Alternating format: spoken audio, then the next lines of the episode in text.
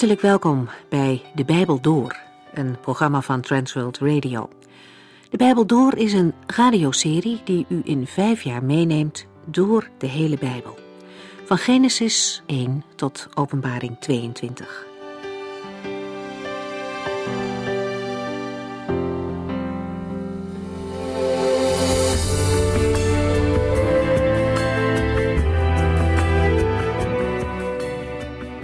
We zijn bezig met het Bijbelboek Numeri in deze serie De Bijbel Door. De vorige keer hebben we over de verschillende spreuken van Biliam nagedacht. Hij was uitgestuurd om Gods volk te vervloeken, maar de Heere heeft dat niet toegelaten. Biliam is wel op weg gegaan en heeft uiteindelijk zeven keer gesproken.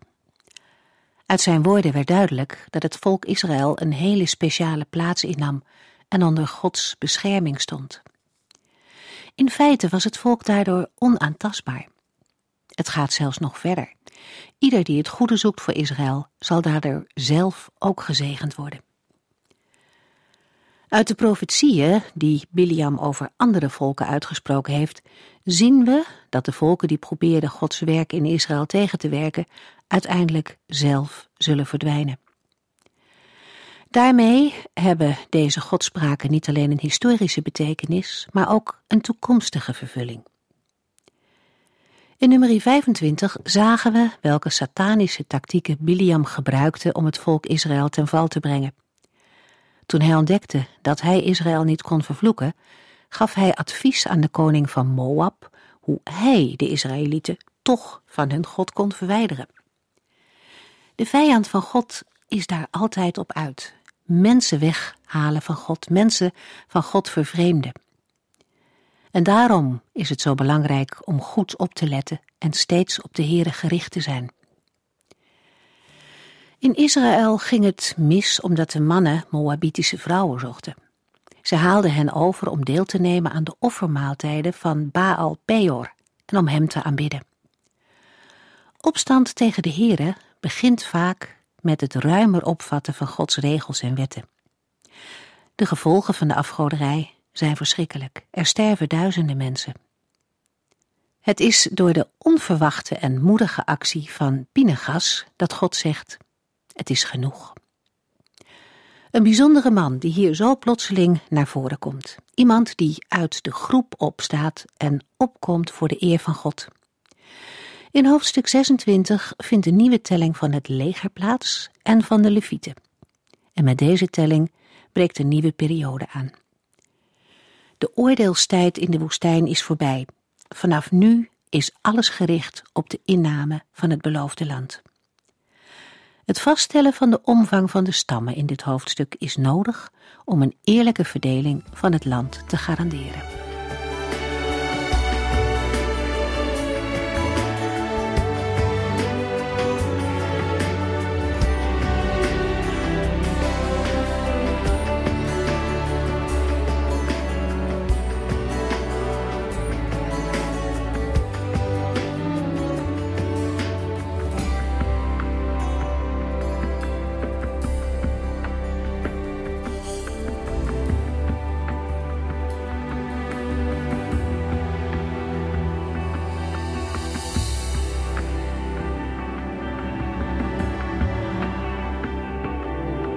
In nummer 26, vers 52 tot en met 56, kwam de verdeling van het beloofde land al ter sprake.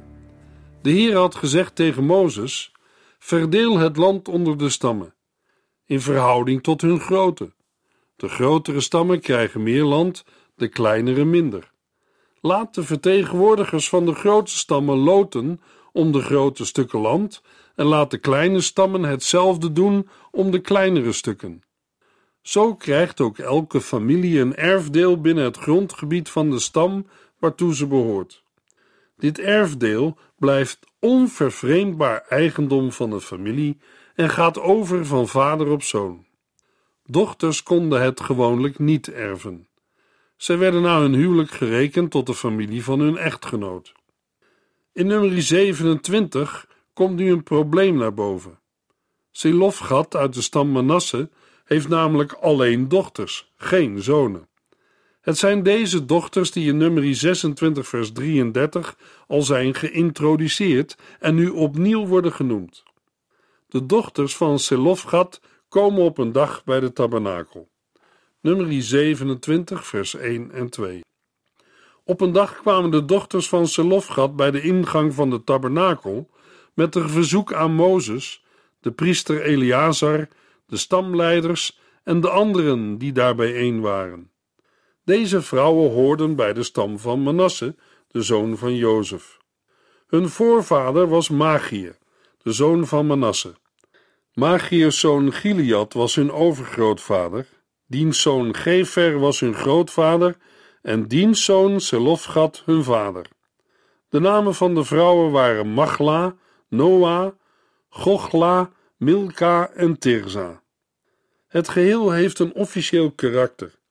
De dochters leggen een rechtsvraag voor aan de gemeenschap. Zij stellen dat hun familie onrecht wordt aangedaan. Nummer 27, vers 3 tot en met 5. Onze vader stierf in de woestijn, zeiden zij. Hij hoorde niet bij de mannen die werden gedood wegens Korachs rebellie tegen de Here, maar hij is om zijn eigen zonden gestorven. Hij had geen zonen. Zou de naam van onze vader moeten verdwijnen omdat hij geen zonen had? Wij vinden dat wij net zoveel recht op grond hebben als de broers van onze vader. Mozes ging met deze vraag naar de Here. Selofgat is tijdens de woestijnreis gestorven. Uitdrukkelijk wordt vermeld dat hij niet is omgekomen naar aanleiding van de opstand van Korach, maar hij is om zijn eigen zonden gestorven. Ze benadrukken op deze wijze dat hun vader niet zondiger is dan de andere Israëlieten en niet is omgekomen vanwege een misdaad waarover Gods oordeel kwam. Kennelijk werd bij overtredingen waardoor iemand uit de verbondsgemeenschap gestoten moest worden, zijn erfdeel verbeurd verklaard. 1 Koningen 21. Daardoor leefde de naam van de overtreder niet voort onder de Israëlieten. De dochters benadrukken hier dat hun vader onschuldig is aan een dergelijke overtreding. Het zou onrechtvaardig zijn als zijn naam niet zou voortleven in Israël. Daarom verzoeken de dochters hun het land te geven dat aan de zonen van Selofgat zou worden toegewezen als hij die gehad zou hebben. Er is geen precedent voor de zaak die de dochters van Selofgat naar voren brengen. Mozes legt hun vraag aan de Heere voor, de hoogste rechter in Israël. Nummer 27, vers 6 en 7. En de Heere gaf Mozes als antwoord: De dochters van Selofgat hebben gelijk. Geef hun land net zoals hun ooms hebben gekregen. Geef hun het land dat hun vader zou hebben gekregen als hij nog in leven was. In zijn uitspraak stelt de Heere de dochters van Selofgat in het gelijk. Ze moeten inderdaad een erfdeel krijgen in het stamgebied van Manasse, samen met de andere families uit het geslacht waaruit hun vader voortkomt. Jozua 17 vers 4 vermeldt dat de dochters dit erfdeel na de landinname ook daadwerkelijk ontvangen. Het gegeven dat enkele steden in het stamgebied van Manasse genoemd zijn naar de dochters, bevestigt dit. Als gebied komen Bet Gochla en Tirza voor in het Bijbelboek Jozua. Noah en Gochla komen als gebied voor op scherven die zijn gevonden in het gebied van de Samaritanen. Deze specifieke situatie leidt bovendien tot de formulering van algemene regels als toevoeging aan het erfrecht. Op die manier moet voorkomen worden dat iemands erfdeel verloren gaat. Nummer 27, vers 8 tot en met 11. En zegt tegen het volk dat als iemand sterft zonder zonen te hebben, zijn erfenis overgaat op zijn dochters. Als hij geen dochter heeft, dan zullen zijn broers van hem erven. En als hij ook geen broer heeft, dan zal zijn bezit naar zijn ooms gaan. Maar als hij geen ooms heeft, dan zal zijn naaste bloedverwant van hem erven. Wanneer iemand, zoals in het geval van Selofgat, sterft zonder dat hij een zoon heeft verwekt, dan gaat het erfdeel op zijn dochter over. Ook in wetsteksten van andere volken uit het Midden-Oosten vinden we de bepaling dat dochters hun vaders bezit kunnen erven wanneer er geen mannelijke erfgenamen zijn. Dergelijke bepalingen zijn gevonden in Nuzi en in Sumerische wetsteksten uit Nipper. Heeft iemand ook geen dochter, dat wil zeggen dat hij kinderloos is gestorven, dan erven zijn broers zijn erfdeel. Heeft hij ook geen broers, dan komt zijn erfdeel toe aan zijn ooms van vaders kant. Is ook dit niet mogelijk, dan gaat het erfdeel over op degene die dan zijn naaste bloedverwant is. Op die manier blijft het erfdeel te alle tijden in de familie, ook in situaties waar vanwege familieomstandigheden de normale regels van het erfrecht niet toegepast kunnen worden. Leviticus 25. Ondanks de ondergeschikte positie die vrouwen in de toenmalige maatschappij innamen, ook bij de andere volken in het oude nabije Oosten, worden zij nadrukkelijk ingesloten bij de landbelofte. Bij de bespreking van nummer 30 kom ik nog terug op de belangrijke plaats die bepalingen met betrekking tot de positie van vrouwen innemen in het derde hoofddeel van het Bijbelboek Numeri. Ook in nummer 36 zal blijken dat er nog nadere aanvullingen nodig zijn. Bij de opgraving is een potscherf met een Hebreeuwse inscriptie ontdekt, waarop een weduwe het volgende pleidooi voert: Mogen Yahweh u zegenen in vrede. En nu laat mijn Heer luisteren naar uw dienares. Mijn echtgenoot is gestorven zonder kinderen. Laat uw hand met mij zijn en geef in de hand van uw dienares het erfdeel dat u beloofde aan Amashau en met betrekking tot het tarweveld in Naama. U gaf het aan zijn broeder. Waarschijnlijk is Amashau de overleden echtgenoot. Naama wordt ook genoemd in Jozua 15 vers 41. Omdat Amashau geen kinderen had, kreeg zijn broer het tarweveld. In Efeziërs 1 vers 3 staat: Aan God, de Vader van onze Heer Jezus Christus, komt alle dank en eer toe. Hij heeft ons, nu we één zijn met Jezus Christus, alle geestelijke zegen gegeven die er in de hemel is. Het geweldige voor een gelovig is dat ik geloof dat de Heer niet alleen geestelijke zegeningen heeft gegeven, maar ook materiële. De apostel Paulus spreekt er ook over als hij tegen de gelovigen van Filippi zegt: Mijn God zal uit zijn rijkdom in Christus Jezus u alles geven wat u nodig hebt. Filippenzen 4. Persoonlijk kon hij getuigen: Ik heb de hele gift ontvangen en heb momenteel meer dan voldoende. Voorlopig kom ik niets tekort, nu Epaphroditus mij uw gaven heeft overhandigd. De Heere wil goed voor zijn kinderen zijn. Maar zal iemand vragen: waarom zijn er dan zoveel christenen die materiële en financiële problemen hebben? Ik heb niet de beschikking over gegevens waarmee ik kan beoordelen of er veel christenen zijn met problemen op dit gebied. Ik denk wel dat wij zulke problemen vaak aan onszelf te wijten hebben. Wanneer heeft de mens genoeg? Waarschijnlijk hebben we allemaal een hoop spullen die we helemaal niet nodig hebben. Vaak zijn we meer met ons eigen huis bezig dan met het huis van de Heere. De dochters van Selofgat kwamen om het bezit vragen dat van hun vader was. Vandaag hebben we geestelijke bezittingen waar we de Heer om mogen vragen. Nummer 27, vers 12 tot en met 14. Op een dag zei de Heer tegen Mozes: Beklim de berg Abarim en kijk over de rivier naar het land dat ik het volk Israël heb gegeven. Nadat u het land hebt gezien, zult u net als uw broer Aaron sterven, want u hebt mij bevelen in de wind geslagen in de woestijn Sin. Toen de Israëlieten opstandig waren, hebt u mij in hun ogen niet geheiligd door het water te bevelen uit de rots te komen.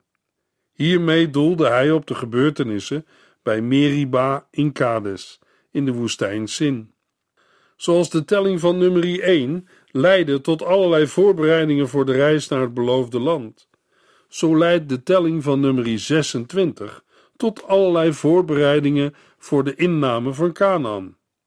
Een van de zaken die geregeld moet worden, is de overdracht van het leiderschap, en dat onderwerp is nu aan de orde. Deze verzen vertonen veel overeenkomsten met nummer 20. De dood van Aaron en de overdracht van het hoge priesterschap. De versen 12 tot en met 14 vertonen bovendien sterke overeenkomst met Deuteronomium 32, vers 48 tot en met 52. De Heere geeft Mozes de opdracht het gebergte Abarim te beklimmen. Abarim is een gebergte bij de monding van de rivier de Jordaan, dat wil zeggen ten noorden van de Dode Zee.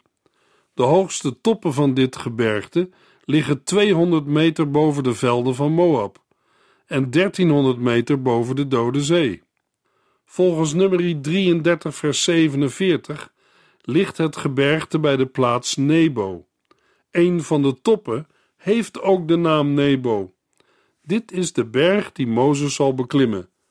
Abarim komt van een stam die oversteken betekent en dankt zijn naam dan ook aan het gegeven dat het gebergte vanuit Canaan gezien in het over Jordaanse ligt. Van de berg Abarim kan Mozes het land overzien dat de Heer aan de Israëlieten heeft beloofd. Daarna zal hij sterven, zoals ook Aaron gestorven is. Mozes mag het beloofde land niet binnengaan vanwege de gebeurtenissen bij Meriba. Dat Mozes nu wel het beloofde land mag zien, in tegenstelling tot Aaron en de andere Israëlieten die uit Egypte getrokken waren, onderstreept zijn unieke positie. Nummer 27, vers 15 tot en met 19. Toen zei Mozes tegen de Heere: Heere, u bent de God die aan al wat leeft de levensadem schenkt. Stelt u alstublieft een nieuwe leider aan over het volk. Een man die hen in alle opzichten kan leiden, zodat uw volk niet achterblijft als schapen zonder herder. De Heere antwoordde: Haal Jozua, de zoon van Nun. Hij is een man die de geest in zich heeft. Leg uw hand op hem en breng hem bij de priester Eleazar. Geef hem in het bijzijn van het hele volk het leiderschap en de verantwoordelijkheid voor het volk. Daarop spreekt Mozes tot de Heere. Hij maakt zich zorgen over het volk en vraagt de Heere een nieuwe leider over de Israëlieten aan te stellen. Met het oog op de verovering van Canaan moet hij een kundig legeraanvoerder zijn. Tegelijkertijd moet hij als een herder voor het volk zijn. Zonder hem zijn de Israëlieten als een kudde schapen die doelloos en verslagen ronddolt, zonder dat iemand hen richting geeft. De Heere antwoordt op het gebed van Mozes. Hij wijst Jozua aan, de zoon van Nun. Jozua is al eerder voorgesteld als dienaar van Mozes, nummer 11 en Exodus 33. De Heere heeft hem vervuld met zijn geest en hem bekwaam gemaakt om het volk te leiden. Mozes moet hem de handen opleggen als teken dat hij het leiderschap aan hem overdraagt. In nummer 8 vers 10 leggen de Israëlieten de Levieten de handen op om hen als hun plaatsvervangers te accepteren. Ook in de offerdienst is handoplegging een teken van overdracht. Bij de offers overdracht van schuld. In het Nieuwe Testament is handoplegging gebruikelijk bij de aanstelling tot een taak in de gemeente van Christus. De handoplegging van Mozes gebeurt niet op de berg, zoals destijds bij de overdracht van het hoge priesterschap, maar in het openbaar, in aanwezigheid van de hoge priester Eleazar en het gehele volk. Vers 19. De Heere verwijst naar de tijd dat Mozes de rots tweemaal sloeg nadat hij hem had gezegd er tegen te spreken. Dat was rebellie tegen zijn bevel. Daarom mag Mozes alleen maar een blik slaan op het land. Hij mag het land niet binnengaan. In nummer 27 krijgt hij alleen uitzicht op het beloofde land. De Heere staat niet toe dat Mozes het land binnenkomt. Ongehoorzaamheid houdt mensen af van de geestelijke bezittingen. Dat is precies wat er met Mozes gebeurde. De Heere antwoordde: Haal Jozua, de zoon van Nun. Hij is een man die de geest in zich heeft. Leg uw hand op hem en breng hem bij de priester Eleazar. Geef hem in het bijzijn van het hele volk het leiderschap en de verantwoordelijkheid voor het volk. Er moet een opvolger worden aangewezen om de plaats van Mozes in te nemen. Het moet een man zijn vol van de Heilige Geest. We moeten goed zien dat het opleggen van handen op zich Jozua niet tot een geestvervulde man maakte. Hij kreeg er ook geen meer macht door. U kunt zich mogelijk herinneren dat de gemeente Paulus en Barnabas afzonderden voor de dienst van de Here. Ze legden hen de handen op en stuurden hen naar Antiochië. Gaf dat hen macht? Helemaal niet. De macht kwam door en van de Heilige Geest. Het gebeurde om te laten zien dat de gemeente van Christus zich in de zendingsopdracht met deze twee mannen verbonden voelde en verantwoordelijkheid voor hen erkende. Dat is het wat opleggen van handen betekent. In nummer 27 wijst de Heere Jozua aan als de opvolger van Mozes. Nadat Mozes het werk heeft neergelegd, zal Jozua het oppakken. Bij de bespreking van het Bijbelboek Jozua zullen we heel wat over hem te weten komen. Ik denk dat Jozua zelf het meest verrast was toen hij door de Heere werd gekozen om Mozes op te volgen. Hij was niet de leider die Mozes was. De tijd hiervoor had Jozua altijd in zijn schaduw gestaan. Hij had niet dezelfde sterke persoonlijkheid als Mozes. Was Jozua de zachtmoedigste man van de aarde? Mozes wel. Nummer 12, vers 3. Jozua was een gewone man, zeker. Maar de Heere zegt: Hij is een man die de geest in zich heeft. Dat is het wonder van ieder kind van God. Met de roeping, hoe gewoon een mens ook is, geeft de Heere zijn geest om de taak die hij opdraagt te kunnen uitvoeren. Jozua laat zien wat de Heere met gewone mensen kan doen. U zult het lezen, zien en ervaren als we de Bijbelboeken Jozua en Richteren of Rechters gaan bespreken.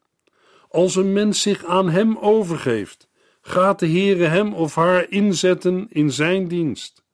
Daartoe zal zijn Heilige Geest u toerusten met gaven en talenten. Ja, echt. De Heere wil u gebruiken onder de leiding van zijn Heilige Geest.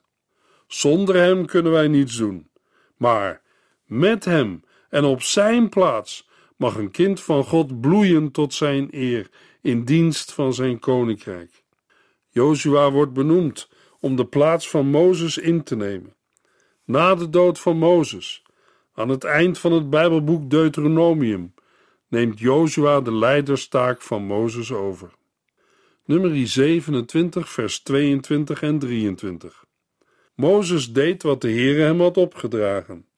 Hij bracht Jozua bij de priester Eleazar in het bijzijn van het volk. Mozes legde zijn handen op hem en vertelde hem wat zijn taak als leider was. In bijzijn van het volk moet Mozes Jozua openlijk aanstellen als leider en hem zijn waardigheid opleggen, die hem als leider toekomt, zodat heel het volk hem zal gehoorzamen. Er mag geen twijfel over bestaan wie de rechtmatige opvolger van Mozes is. De Heere belooft Jozua te leiden, vers 21.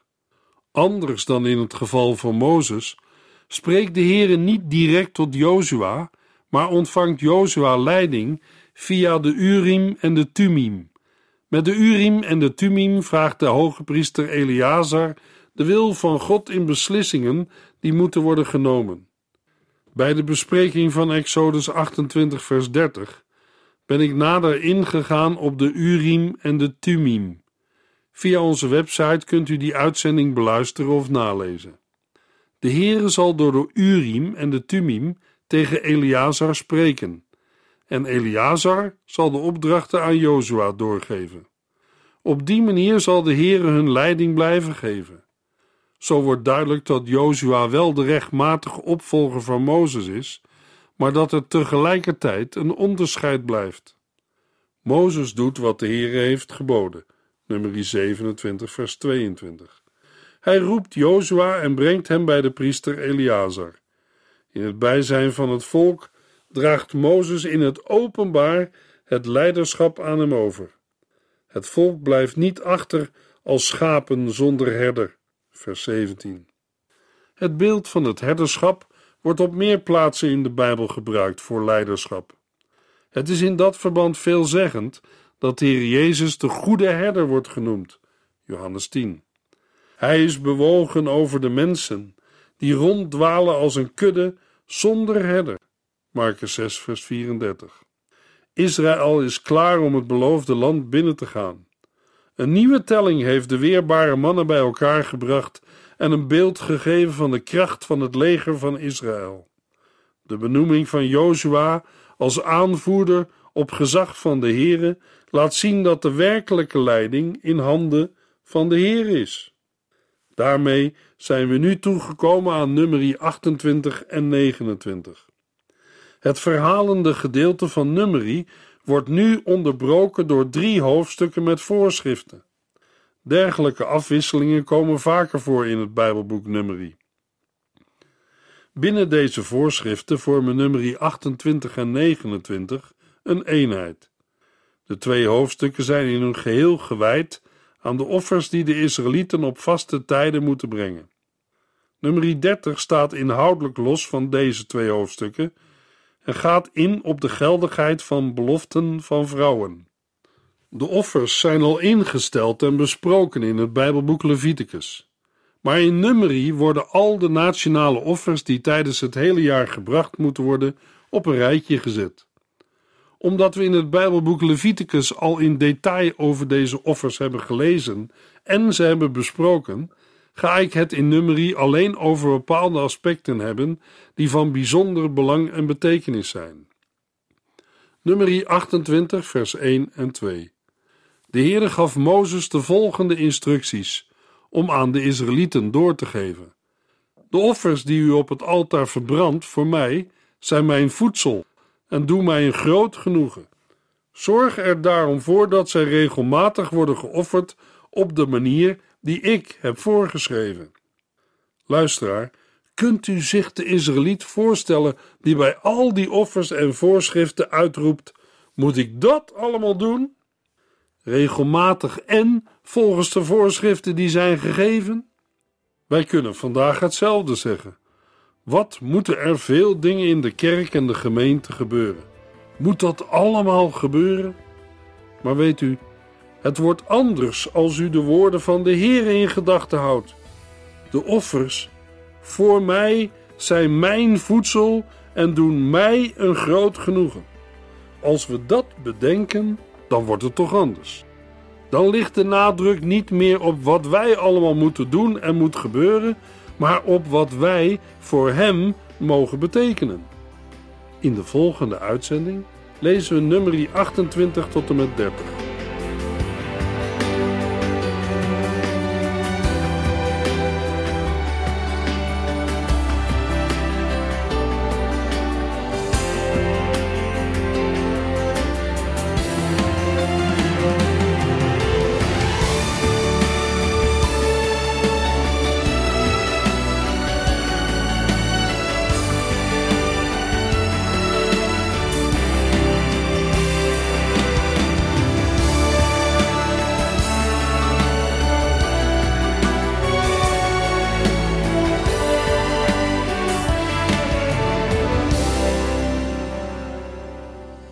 Geluisterd naar De Bijbel Door. In het Nederlands vertaald en bewerkt door Transworld Radio. Een programma waarin we in vijf jaar tijd de hele Bijbel doorgaan. Als u wilt reageren op deze uitzending of u heeft vragen, dan kunt u contact met ons opnemen. Tijdens kantooruren kunt u bellen op 0342 47 8432. 0342 47 8432. 32. Ook kunt u een e-mail sturen naar de Bijbel door transworldradio.nl en natuurlijk kunt u ook via de post ons bereiken. TWR, postbus 371, postcode 3770, AJ in Barneveld. Dit programma werd gepresenteerd door Cor Weda en Ike André. Techniek was in handen van Odin van Woerdekom. En wij allemaal bedanken u voor het luisteren. Graag tot de volgende keer.